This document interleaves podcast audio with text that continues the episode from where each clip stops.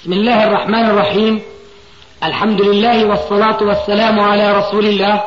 أما بعد فهذا أحد أشريطة سلسلة الهدى والنور من الدروس العلمية والفتاوى الشرعية لشيخنا محمد ناصر الدين الألباني حفظه الله. نسأل الله أن ينفع به الجميع. والآن مع الشريط الخامس والتسعين بعد المئة على واحد. بسم الله الرحمن الرحيم.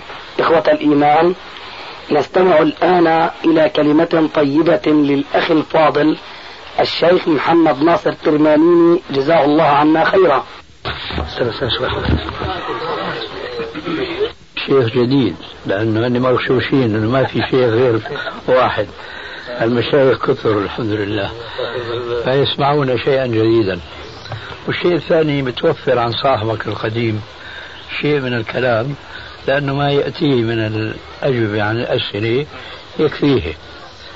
فتوكل على الله كما يقول إخواننا الأردنيون. سيدي تفضلوا وتكلموا بعدين الأخير نحن نتكلم. لا أنا بدي أجيب عن الأسئلة. فأنت ما قلت بدك تمتعنا بكلمة. تفضل الآن اعمل مقدمة؟ نتكلم عن ابتدأ لك مقدمة من عندك. متودع. يلا بسم الله. نتكلم على قصة قصتي مع الشيخ عبد الفتاح أبو ودي. نعطيهم يعني نموذج عن المشايخ وسيرتهم وتعصبهم وانحرافهم عن الصراط المستقيم. مما جعل كثير من الشباب المسلم ينظر إلى الإسلام كأنه مجموعة خرافات وأوهام واستعلاء على الناس. هذا ما جعل الشباب المسلم ينفر عن الإسلام وتقع الكارثة ولا حول ولا قوة إلا بالله العلي العظيم. فكنت في أول طلبي للعلم وكان لقاءنا مع قضية الشيخ جديدا.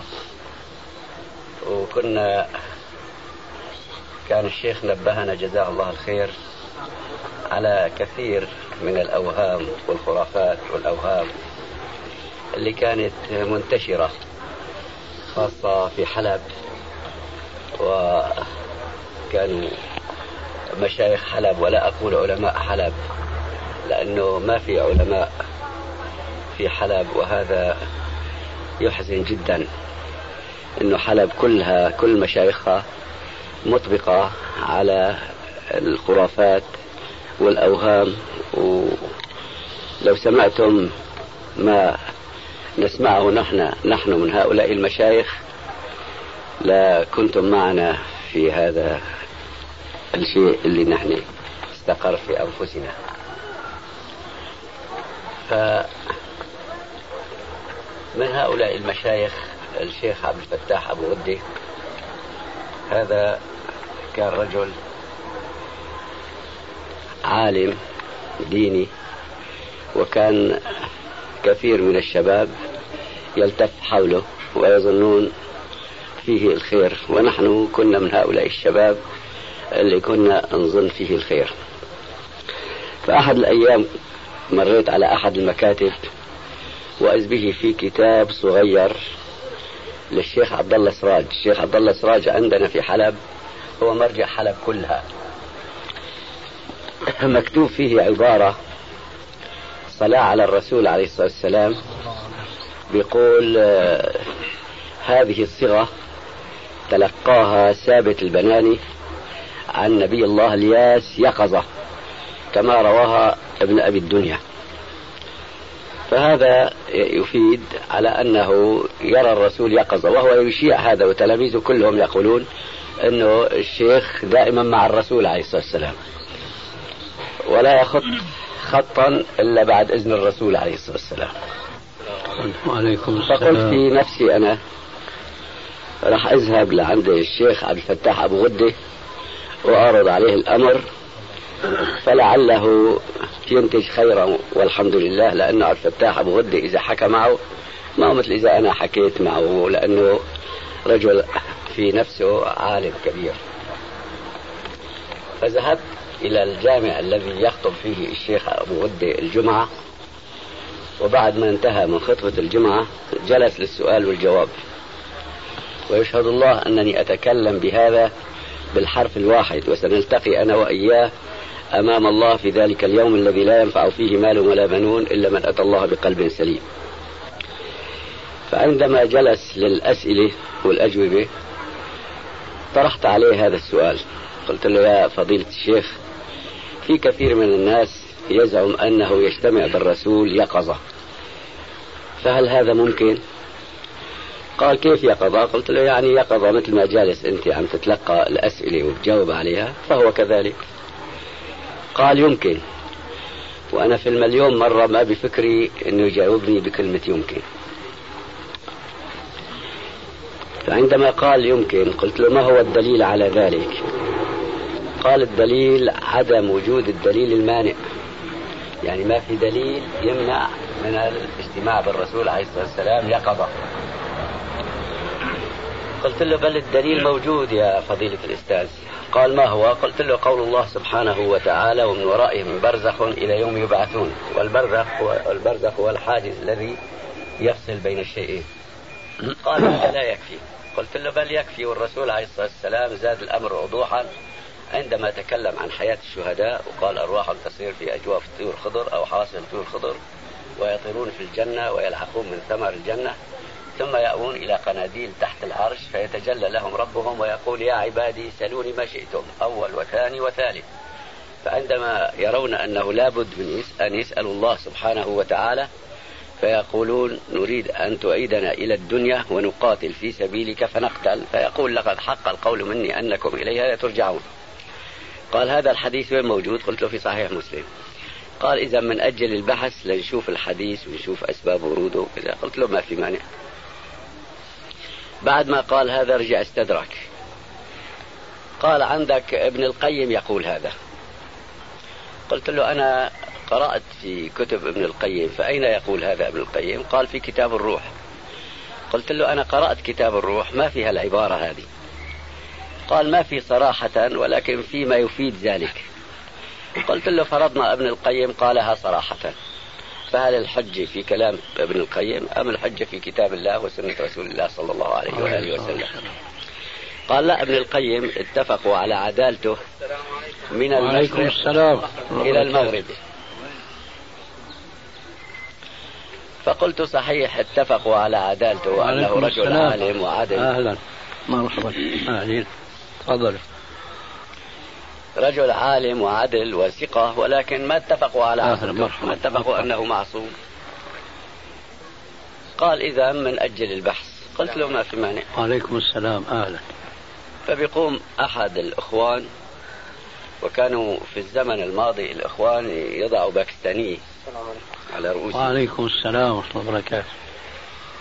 فقال له سؤال يا فضيلة الشيخ. قال له تفضل. قال له في جماعة وهابية بيقولوا إنه مذهب الوهابية مثل مذهب أهل السنة والجماعة فهل هذا صحيح؟ قال له كلا. في الفروع يمكن أما في الأصول فلا. قال له هم بمثل ماذا يخالفوننا في الأصول؟ قال لهم بيقولوا محمد عليه الصلاة والسلام مات وراح ما له حياة برزخية عند الله. وبيقولوا عصى أحدنا أفضل من محمد عليه الصلاة والسلام. هاشا ويكفرون من استغاث بغير الله سبحانه وتعالى. فقلت له سؤال يا أستاذ قال تفضل. قلت له الوهابيون يقولون خلاف ما قلت وأنا مطلع على كتبهم اطلاعا علميا وعلى استعداد لأن أشير إلى الكتاب وإلى الصفحة وحتى إلى السطر فالوهابيون يقولون بالنسبة لحياة محمد عليه الصلاة والسلام البرزخية أنها أفضل حياة عند الله لأنه هو سيد البشر فحياته أفضل حياة عند الله سبحانه وتعالى. أما قولك يقولون عصى أحدنا أفضل من محمد عليه الصلاة والسلام فيقولون سبحانك هذا بهتان عظيم. أما قولك بكفر من استغاث بغير الله فهذه صحيحة لكن لها شروط مو على إطلاقها. يقولون نأتي لرجل وقف على أحد قبور الأنبياء والصالحين مثل عبد القادر الجهلاني أو غيره من الأولياء. ويطلبون منه النصر والشفاء وما أشبه ذلك. فيقولون نأتي لهذا الرجل وننصحه بالآيات والأحاديث المتعلقة في هذا الموضوع. فإن أول وثاني وثالث. فإن هو أعرض عن ذلك ورد الحديث والآيات فالمشرك مشرك شاء أم أباه. قال لا هذا لا نستطيع أن نكفره لأن لأنه إذا سألته عندما يقول يا عبد القادر ارزقني هل يعتقد أن عبد القادر هو الذي يرزقه؟ إنما يعتقد أن الله سبحانه وتعالى هو الذي يرزقه بواسطة عبد القادر. قلت له هذا هو اعتقاد المشركين. المشركين ما كانوا يعتقدوا أنه الأصنام أولياءه أو أولياءهم هم الذي يرزقوهم وهم الذي يمنع عنهم الأذى. إنما يعتقدون أن الله سبحانه وتعالى هو الرازق والمعطي. قال لا أبدا. قلت له هذا قول الله سبحانه وتعالى والذين اتخذوا من دونه أولياء ما نعبدهم إلا ليقربونا إلى الله زلفى. قال نعبدهم قل يعبدونهم بإيش يعبدونهم؟ بالذبح والنزر والدعاء وما أشبه ذلك. السلام ورحمة الله وبركاته.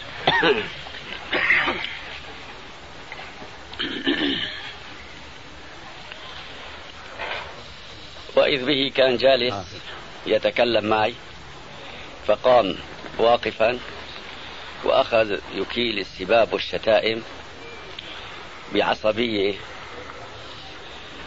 سب وشتم سب وشتم ثم ختم كلامه.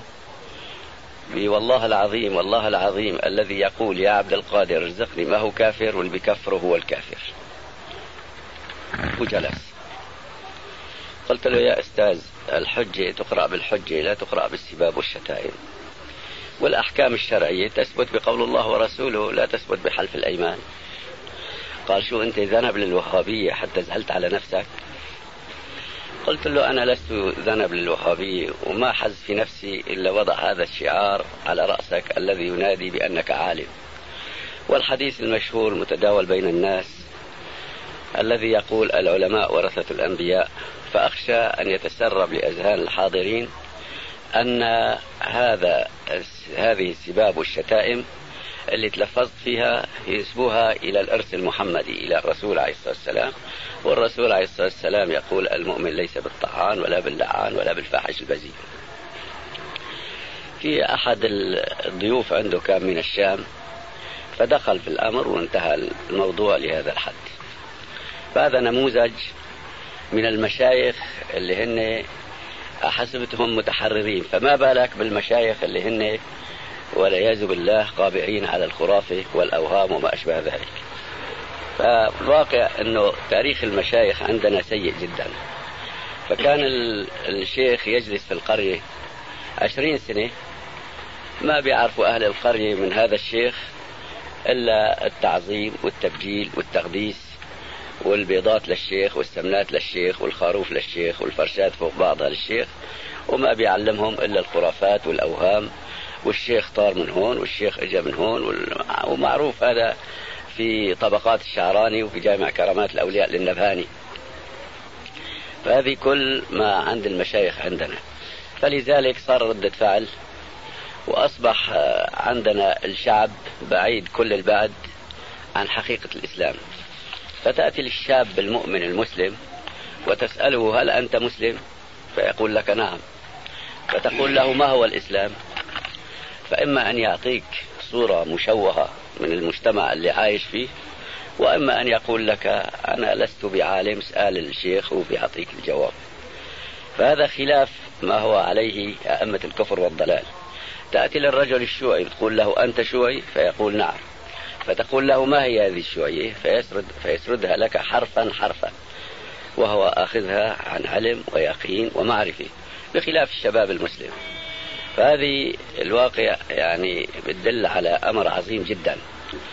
والله سبحانه وتعالى أنعم علينا بفضيلة الشيخ وأصبح يتردد إلينا إلى حلب في كل شهر ثلاثة أيام يأتي لعندنا.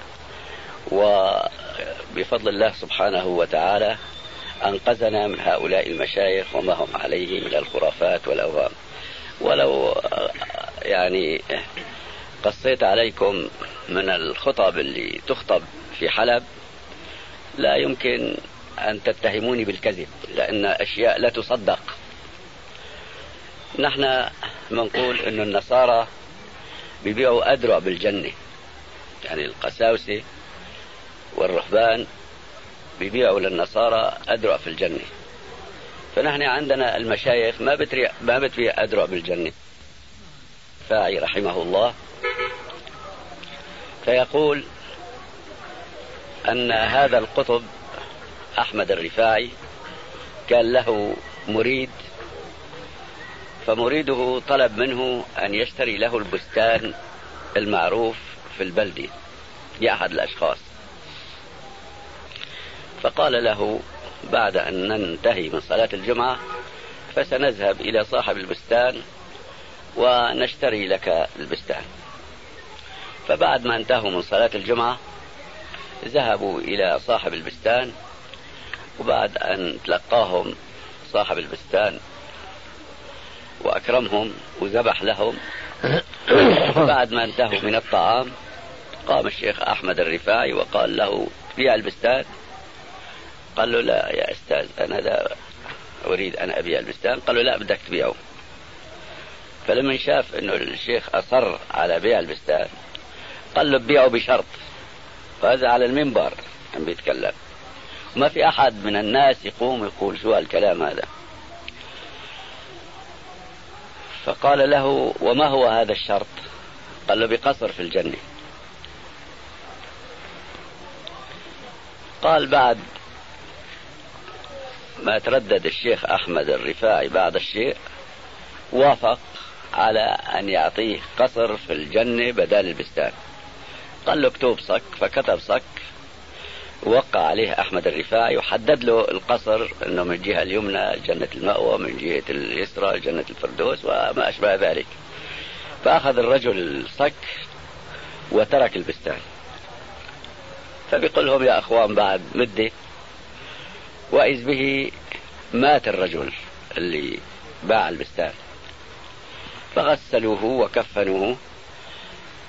ثاني يوم وإذ به مكتوب بكف القدرة على القبر لقد نفذنا البيع الذي عقده أحمد الرفاعي. ما شاء الله. وهذه أقاصيص كثيرة. ولا أريد أن أطيل عليكم وأعطل عليكم ما تستفيدونه من فضيلة الشيخ فلهذا بهذا القدر كفاية والحمد لله رب العالمين. والصلاة والسلام على أشرف الأنبياء والمرسلين. لابد أن الذي سمعتموه. مستغرب بلا شك لدى الحاضرين جميعا. ولكن قد يلقى في بال أحد الجالسين سؤال ما حول ما سمعتم من الكلام. فإن كان لأحد سؤال أو اعتراض أو اقتراح فنحن نحب أن نسمعه بهالمناسبة. وإلا فتحنا باب الأسئلة التي آه، توجد لدى كل واحد منكم.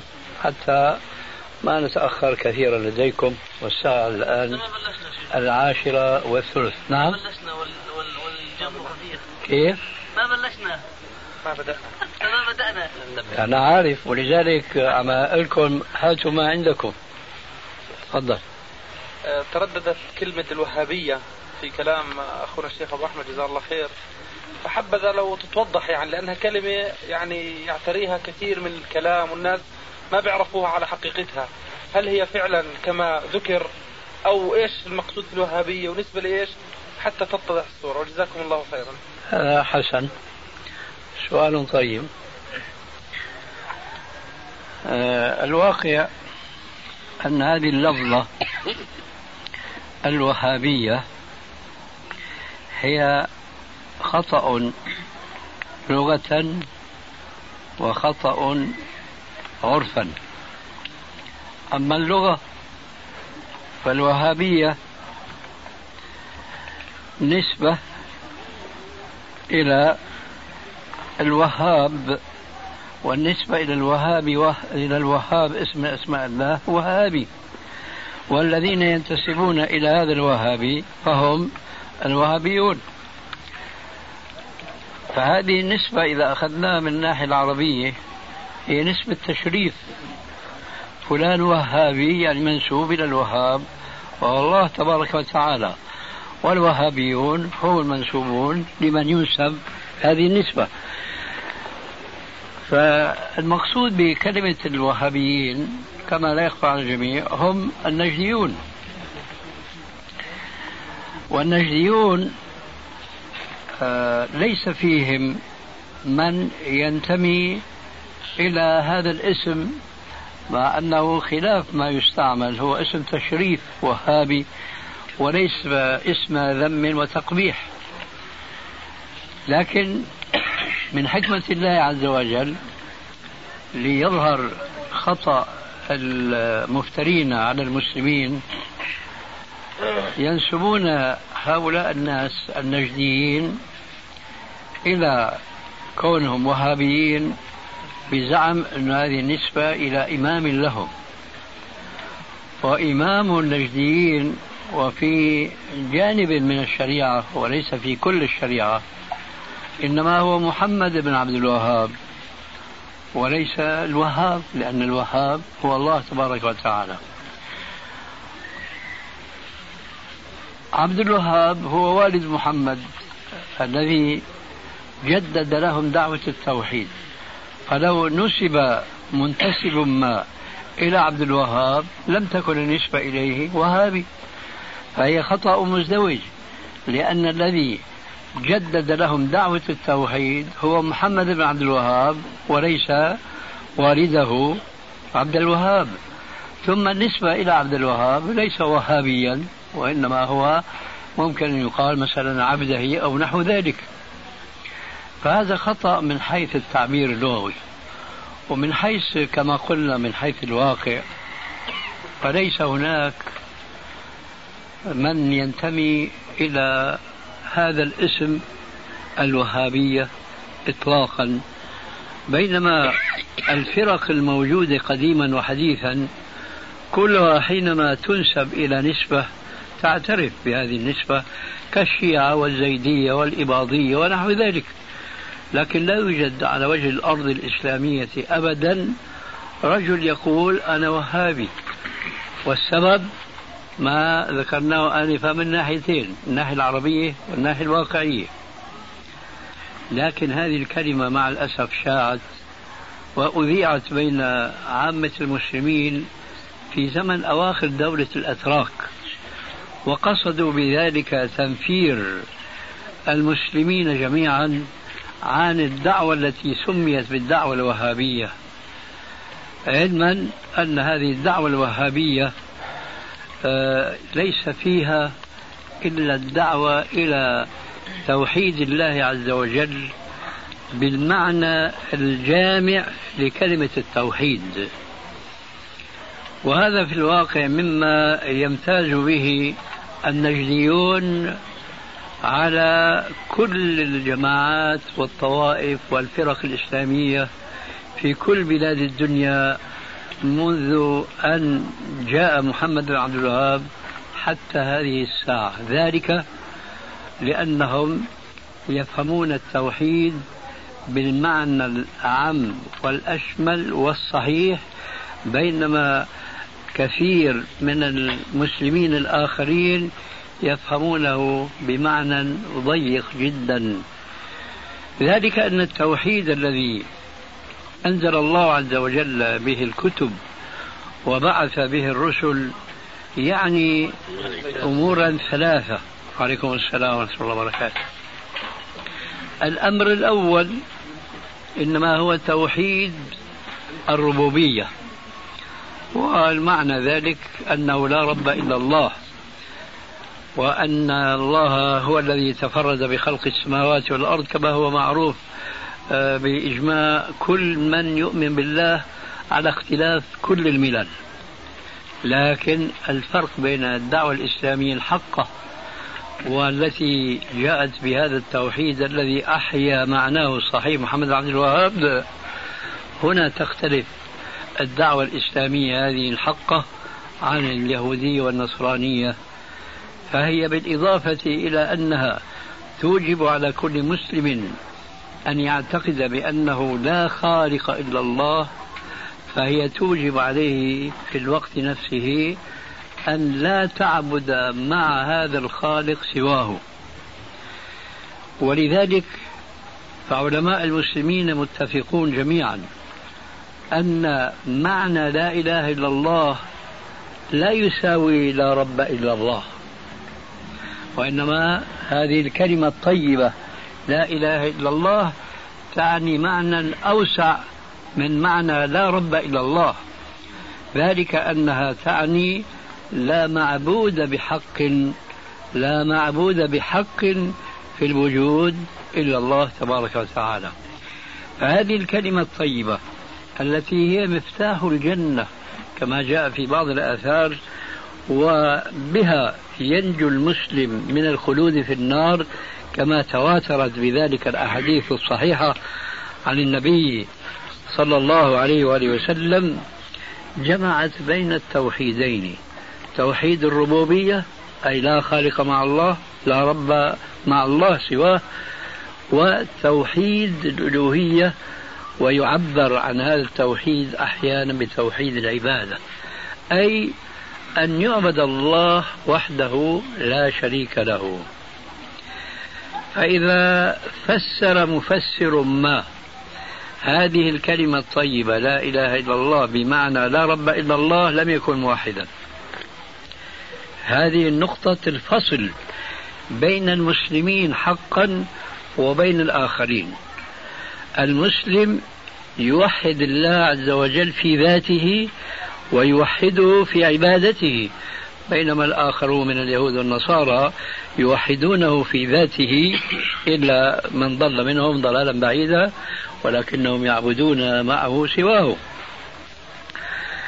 لهذا يجب على المسلمين جميعا أن يعرفوا أولا هذا المعنى الحقيقي لكلمة لا إله إلا الله وأنها لا تعني لا رب إلا الله فقط وإنما تعني إضافة على ذلك أنه لا معبود مع الله أيضا بحق. وكلمة بحق هي احتراز من إنكار أن هناك معبودات في الأرض قديما وحديثا تعبد من دون الله تبارك وتعالى. فلا يجوز أن يقال لا معبود إلا الله لأن المعبودات كثيرة وكثيرة جدا. لكن إنما يصح التفسير بقيد بحق. لا معبود بحق في الوجود إلا الله تبارك وتعالى وإلا قد عبدت اللات والعزة وعبدت الطواغيت حتى الآن. فكيف يستطيع المسلم أن يقول لا معبود إلا الله؟ لا المعبودات موجودة بكثرة ولكنها بالباطل والمعبود بحق إنما هو الله تبارك وتعالى كذلك بالإضافة إلى هذين النوعين من التوحيدين توحيد الربوبية وتوحيد العبادة أو الألوهية هناك توحيد ثالث به يتم التوحيد وبه تقبل شهادة الموحد لا إله إلا الله وإلا فهي مردودة عليه ما ما هو هذا التوحيد الثالث؟ توحيد الله في صفاته. فكأن فكما أنه عز وجل واحد في ذاته وواحد في ألوهيته فهو واحد أيضا في صفاته. لذلك قال تعالى ليس كمثله شيء وهو السميع البصير. هذه الدعوة التي جاء بها محمد صلى الله عليه وسلم وعرفها السلف الصالح والأئمة جميعا. ولكن خلف من بعدهم خلف ليسوا فقط أضاعوا الصلاة بل وأضاعوا التوحيد لأنهم فهموا هذه الكلمة الطيبة بالمعنى الأول الضيق لا إله إلا الله لا رب إلا الله. ونحن رأينا رسائل في العصر الحاضر مؤلفة ومطبوعة وفسرت هذه الكلمة الطيبة بهذا التوحيد الوحيد فقط وهو لا إله إلا الله أي لا رب إلا الله. هذا لا يكفي للمسلم أن يفهم هذه الكلمة الطيبة بهذا المعنى الضيق. لذلك كان من آثار ذلك لما أخلوا جماهير المسلمين وبخاصة عامتهم لما أخلوا بفهم هذه الكلمة الطيبة أخلوا عمليا في تطبيقها. فهم يعبدون مع الله آلهة أخرى وهم لا يشعرون. هذه من أكبر المصائب التي حلت المسلمين. والسبب في ذلك يعود إلى أمرين اثنين. ذكرنا آنفا أحدهما وهو أنهم لم يفهموا من كلمة التوحيد توحيد الله في العبادة. والأمر الآخر أنهم لم يفهموا ما معنى العبادة. فإذا قلت للإنسان أنت تعبد مع الله آلهة أخرى قال لك لا أنا لا أعبد إلا الله أنا لا أصلي إلا لله عز وجل. نقول إلى هنا نحن معك أنت لا تصلي إلا لله عز وجل. ولكن ألست تدعو غير الله عند الشدة؟ فتقول يا سيدي أحمد يا سيدي بدوي يا سيدي شعيب يا كذا يا كذا. هذا هو عبادة الله أو هذا من عبادة الله تبارك وتعالى. والله عز وجل قد أنزل علينا كتابا كريما وافتتحه بسورة هي سورة الفاتحة. وفيها يقول المسلم مخاطبا ربه عز وجل في كل ركعة من صلواته إياك نعبد وإياك نستعين فأنت تعبد وحده تعبد الله وحده لا شريك له لكنك تستعين بغيره. هذه الاستعانة سواء علينا سميناها استعانة وهي تسمية صحيحة. أو سميناها استغاثة وهي أيضا تسمية صحيحة. أو سميناها توسلا وهي تسمية خاطئة. هذه الأسماء تدل على مسمى واحد. بعض هذه الأسماء صحيح كالاستغاثة والاستعانة وبعضها توسل.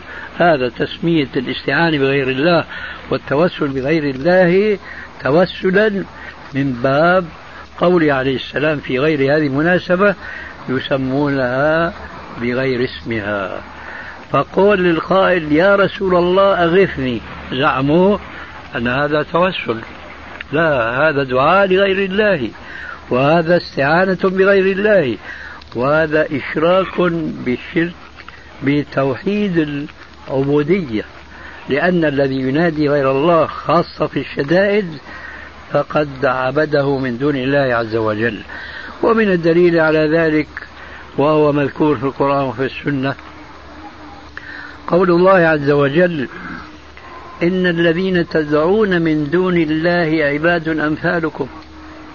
تدعون ما قال تعبدون لكن الحقيقة أن هذه الآية تعني تدعون أي تعبدون.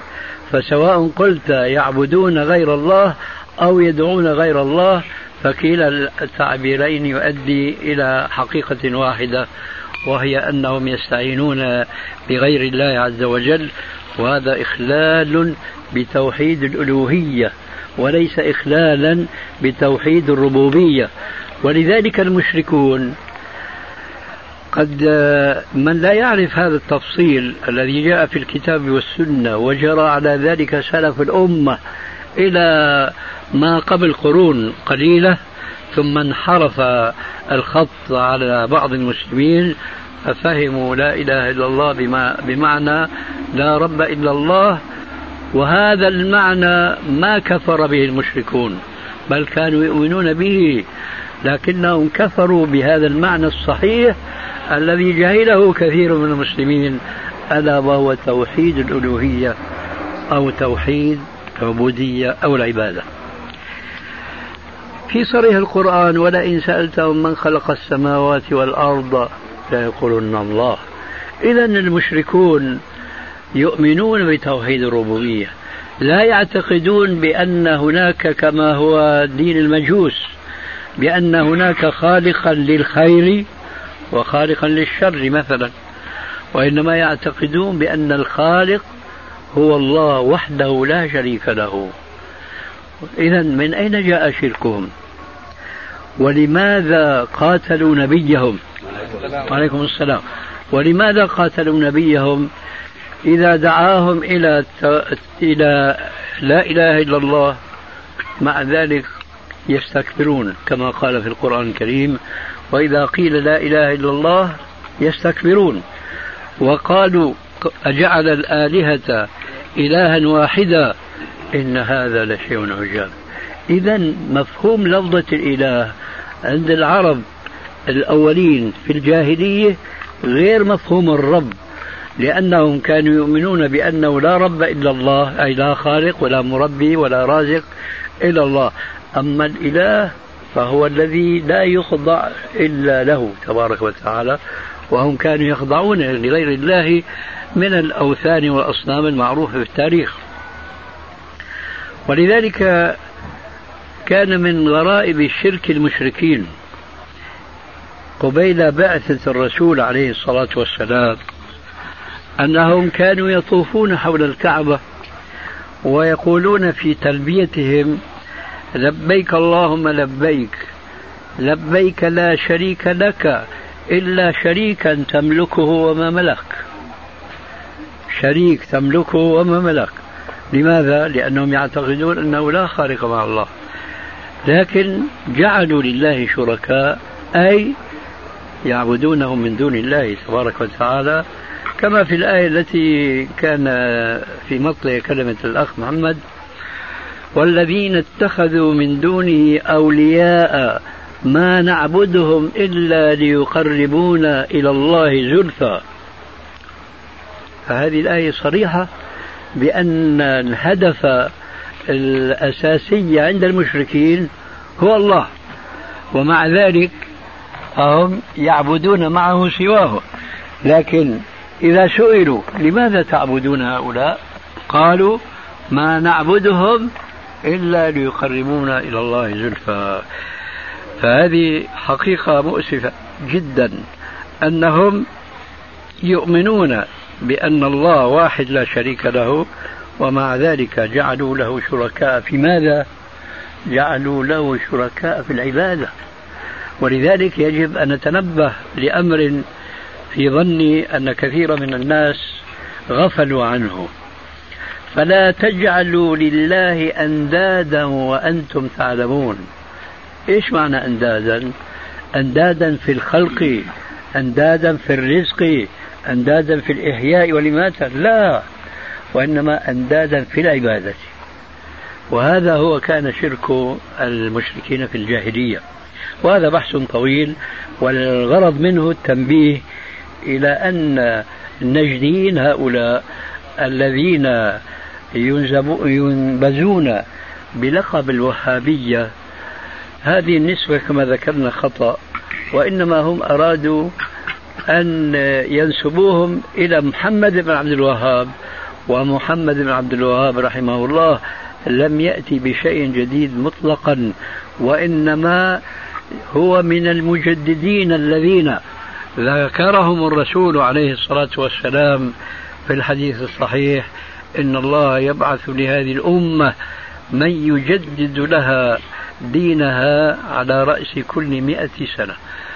المجددون كما يذكر الإمام السيوطي وغيره آه، لا ينبغي أن نتصور أن المجدد يكون واحدا في كل عصر وإنما يمكن أن يكون هناك مجددون في كل عصر مجددون كثيرون ولكن لكل منهم اختصاصه في التجديد. فمجدد في التوحيد مجدد في الحديث مجدد في التفسير وفي اللغة وفي كل شيء يتعلق بإحياء فرض كفائي لفهم الإسلام فهما صحيحا. والغرض أن محمد عبد الوهاب جدد التوحيد الذي لا تزال آثار الإخلال به مع الأسف الشديد في كل البلاد الإسلامية. إلا هذه البلاد النجدية بفضل دعوة محمد بن عبد الوهاب ولا أقول بفضل بفضل دعوة الوهابية.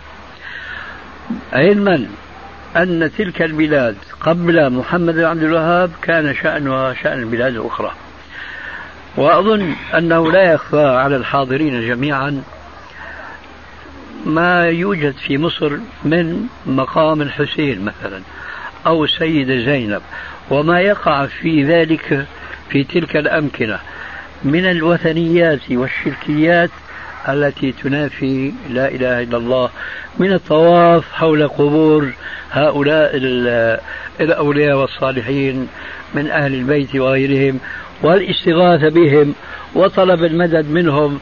مثل هذا يوجد في هذه البلاد وفي سوريا وفي أكثر البلاد الإسلامية. ما هو السبب؟ السبب تقصير علماء المسلمين ببيان دعوة التوحيد دعوة الحق التي جاءت في الكتاب والسنة وماتت هذه الدعوة من كثير من البلاد الإسلامية ثم جددها محمد بن عبد الوهاب رحمه الله فمحمد بن عبد الوهاب ليس له جهد بارز سوى هذه الناحية وكفى له بذلك فضلا. لأن البلاد النجدية كانت كالبلاد المصرية والسورية ونحو ذلك من حيث آه، انتشار الآثار الوثنية وعبادة القبور والاستغاثة بها من دون الله عز وجل. أما البلاد حتى الآن وأقول مع الأسف مع أنه بدأت الحركة الإسلامية الصحيحة في هذه البلاد تضعف رويدا رويدا لكن لن تجد هناك آه، يعني آه، وثنية تذكر. حتى ولا رفع القبر من على وجه الأرض. لا يوجد هذا الشيء إطلاقا. بينما إذا طفت البلاد الإسلامية كلها فأنت واجد فيها من المخالفات الشيء الكثير. أرونا بلدا لا يوجد فيها مسجد فيه قبر. مع شدة تحذير الرسول عليه السلام للمسلمين أن يتخذوا المساجد عن القبور كما قال عليه السلام لعنة الله على اليهود والنصارى أو لعن الله اليهود والنصارى اتخذوا قبور أنبيائهم مساجد والأحاديث في هذا كثيرة أكثر من عشرة أحاديث ومنها ما يتعلق بالأمة الإسلامية. قوله عليه السلام إن من شرار الناس من تدركهم الساعة وهم أحياء والذين يتخذون قبور أنبياء مساجد فعندكم مثلا المقام المعروف بسيدي شعيب. وهناك مسجد يقصد الصلاة فيه من أجل إيش؟ سيدي شعيب. وعندنا مقام آخر أظن اسمه يوشع. نعم. أبو عبيدة.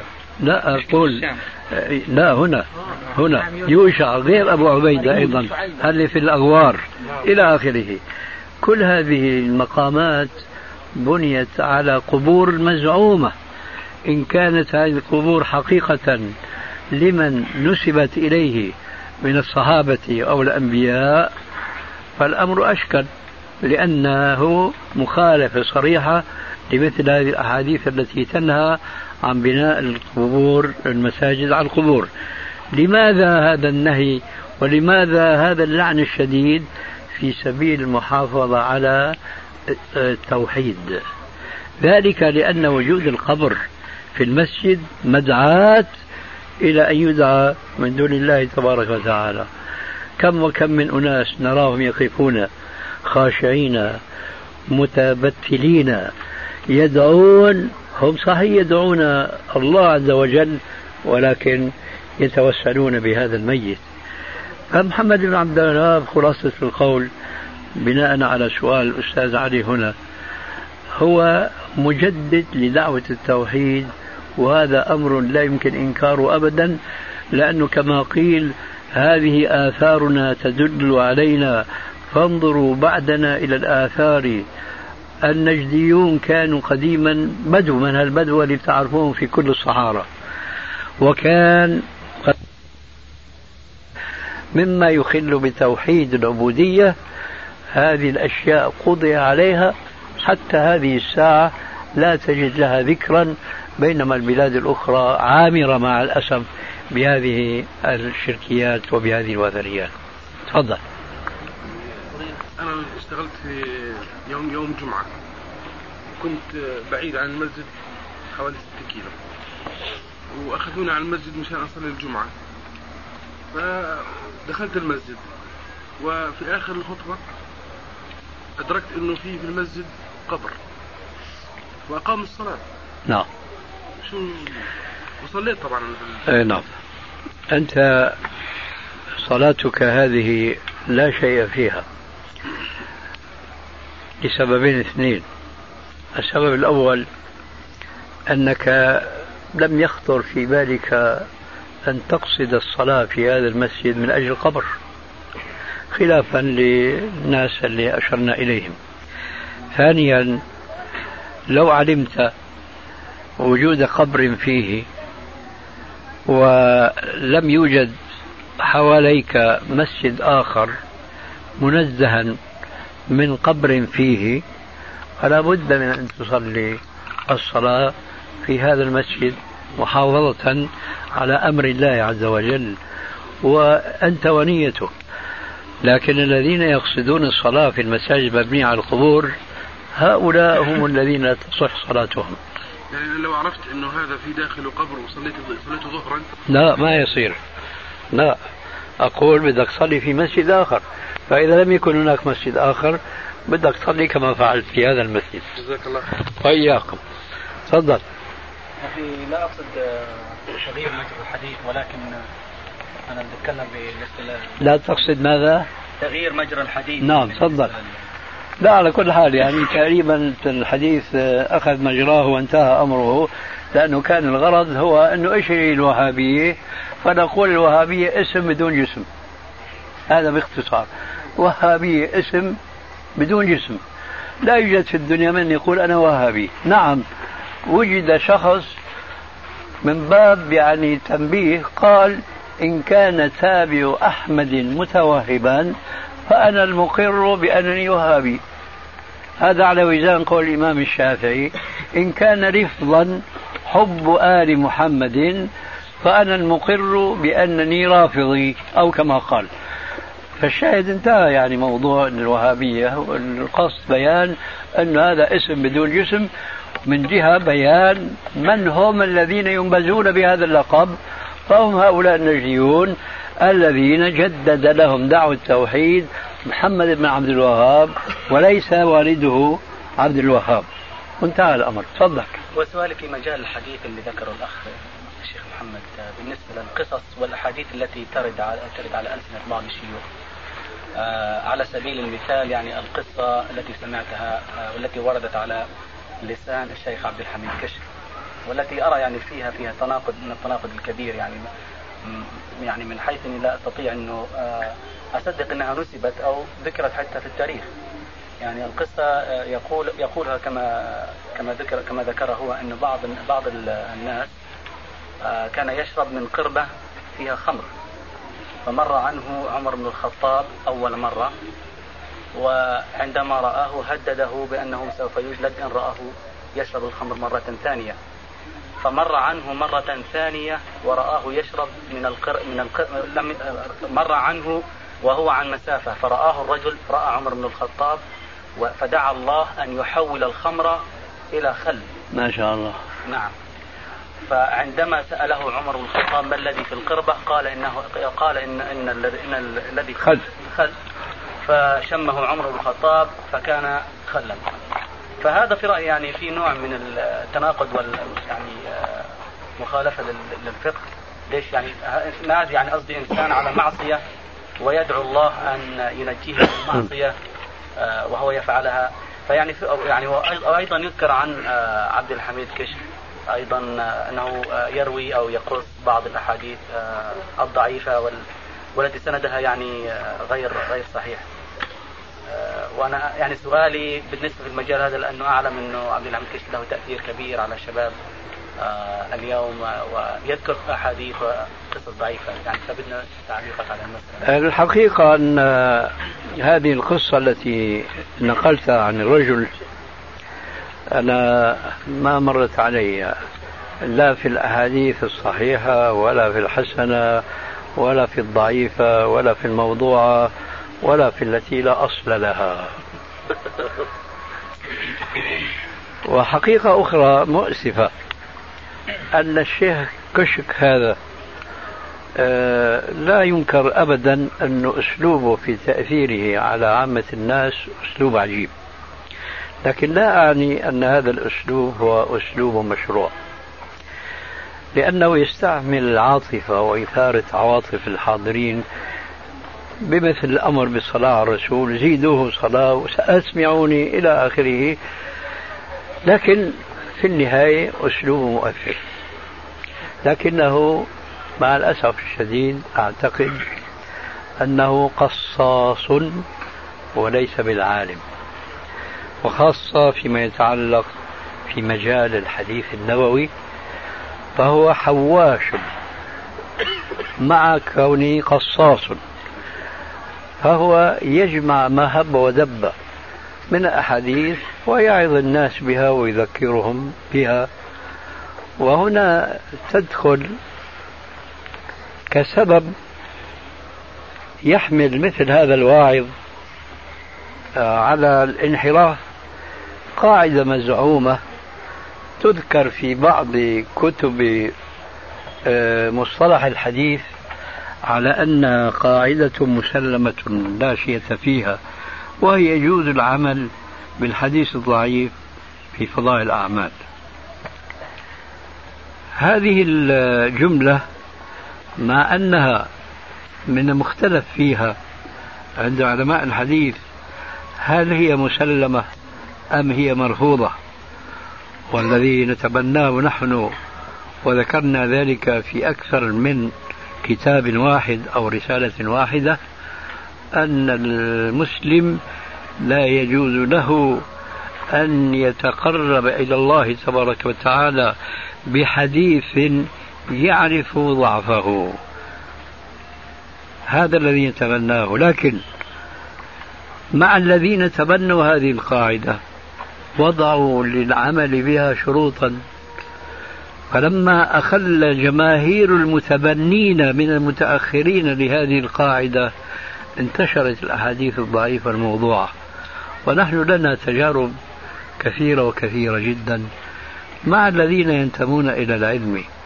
إذا حدث أحدهم بالحديث وهو نعلم يقينا لا يدري من أين جاء هذا الحديث ولا يدري أنه صحيح أو ضعيف لكنه إذا فوجئ بالإنكار عليه وقيل له يا أخي أنت تروي هذا الحديث وهذا حديث ضعيف رأسا أجاب بالقاعدة المزعومة لكن يعمل بالحديث الضعيف في فضائل الأعمال.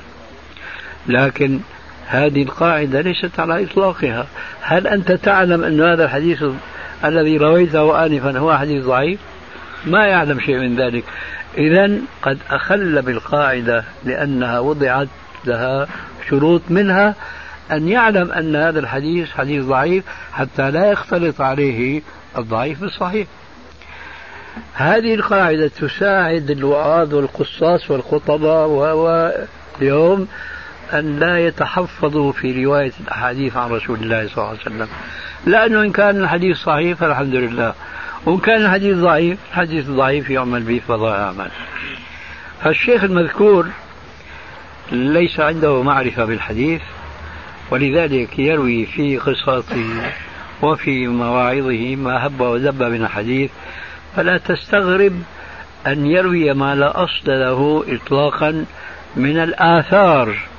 التي ليست لها صلة بحديث الرسول عليه السلام كقصة الخمر والخل. وهذه مصيبة مصيبة الدهر والبحث في هذا في الحقيقة يطول وبخاصة أن بعض العلماء يستجيزون رواية ما هو أخطر من مثل هذه الرواية أن هذا دعا الله أن يتحول الخمر المحرم إلى خل محلل. لكن ما بالك والقصص كثيرة وكثيرة جدا بأن الشخص يشرب الخمر فينكر عليه بيقول هذا يشرب من خمر الجنة. هذا ليس من خمركم بشيء. آخر يبيع الحشيش فيقول حينما ينكر عليه أنت تظن أنا أبيع حشيش مخدر؟ أنا أبيع ضد الحشيش المخدر. وأن كل إنسان يشتري من عندي هذا الحشيش فهو يقلع عن عادته في استعمال الحشيش مخدر. وبهذا عطلوا العقل وعطلوا الشريعة. وحسبكم في ذلك قولهم هناك شريعة وهناك حقيقة. والحقيقة تخالف الشريعة. ولهم كلمات خطيرة وخطيرة جدا. ولعله يعني يحسن أن أذكر لكم قصة وقعت لي شخصيا. خرجت كعادتي في طريقي إلى أخواننا إلى حلب واتخذنا في الطريق منزلا بتنا فيه ليلة في قرية تبعد عن دمشق نحو 60 كيلومتر اسمها دير عطية. ونحن سامرون فيها ساهرون. بدل أن يطرق الباب الدار على الجادة طبقة الدنيا. بدل أن يطرق الباب تطرق النافذة فيخرج رب الدار للنظر من هذا الطارق الغريب في طرقه. بدل أن يطرق الباب يطرق النافذة ففوجئنا بالصياح صاحب الدار مرحبا بالطارق. أهلا وسهلا بفلان. نحن بقى شرأبت أعيننا إلى هذا الضيف الكريم الذي احتفى به صاحب الدار هذا الاحتفاء العظيم. دخل هذا الضيف المزعوم ففوجئت به كما فوجئ هو بي. وأعني الرجل حشاش تارك الصلاة. لا يصوم في رمضان يشرب الدخان في رمضان وهو ساند ظهره لزاوية من زوايا المسجد خارج المسجد. وشا وعيناه شاخصتان مصفرتان من تأثير الحشيش فيهما. فأنا فوجئت به من جهة أنه هذا رب الدار يعني نحن ضيوف عنده عم يرحب بحشاش بفاسق فاجر إن لم يكن كافرا. فوجئ هو بي لأنه جارنا. أنا دكانتي هناك كان بجنب هذا المسجد. فكلما خرج للصلاة وهو يحشش يشرب دخان طبعا فيه الحشيش. فلما رآني جلس بعيدا عني وأخذ يتظاهر بأنه مأخوذ يعني مجذوب. أخذوا الحال يعني. فأخذ يركع ويسجد هكذا ويقول كلام بيقولوا عنا بالشام كلام مغطى. يعني كلام آه، شو بيقولوا باللغة العربية؟ يعني جملة غير تامة. شو؟ بندورة حشيش بيض باذنجان شو؟ ما في جملة غير تامة. تتمة الكلام في الشريط التالي. حينئذ عرفت بأن رب الدار يعتقد بهذا الإنسان أنه من كبار الأولياء. ارتجلت كلمة. افتتحتها بالآية الكريمة. ألا إن أولياء الله لا خوف عليهم ولا هم يحزنون. الذين آمنوا